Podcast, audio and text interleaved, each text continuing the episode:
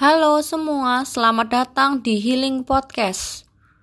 Sebuah podcast untuk membantu kalian memahami tentang gangguan kepribadian narsistik, tentang edukasi dan juga bagaimana cara move on dari gangguan kepribadian narsistik perilaku abusif yang sedang kalian alami.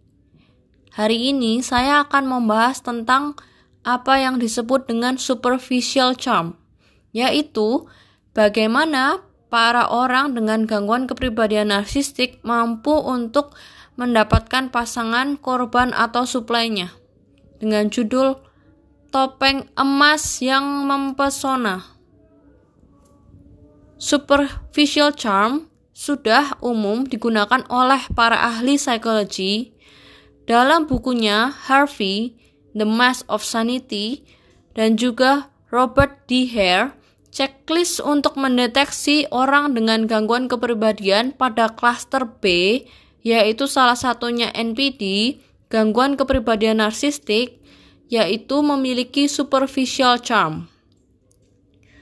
Anti-social personality disorder masuk dalam klaster B yang memiliki ciri-ciri sama dengan orang NPD, di dalam klaster B terdapat gangguan mental lainnya seperti psikopat, sosiopat, borderline, dan histronic.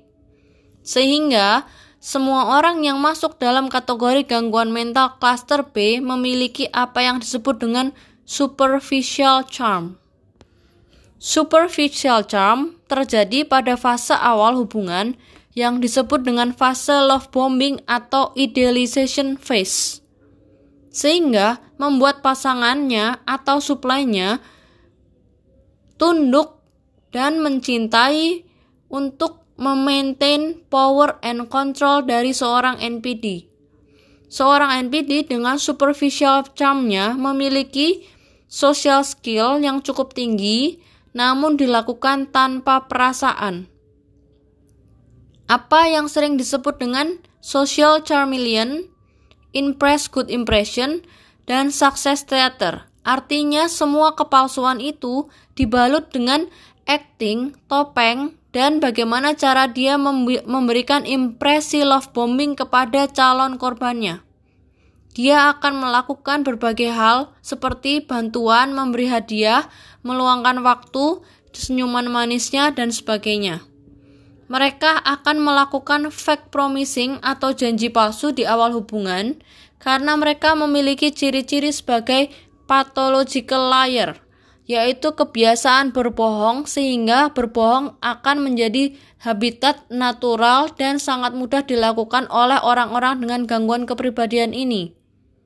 Ini terbentuk karena terlatih terus-menerus selama bertahun-tahun sehingga mereka tidak merasa bersalah ketika melakukan berbohong. Pada awal hubungan, mereka akan melakukan love bombing untuk menggait suplainya. Namun yang paling berbahaya yaitu ketika suplainya atau korbannya udah mulai tertarik dan terbuai dalam rayuannya, maka mereka akan mengalami yang namanya bonding. Namun, orang dengan gangguan NPD tidak masuk ke fase bonding, namun mereka akan take over dengan apa yang disebut yaitu power and control yaitu pasangan atau korbannya akan berjuang sendirian dalam hubungan tersebut seumur hidupnya dan sampai seterusnya.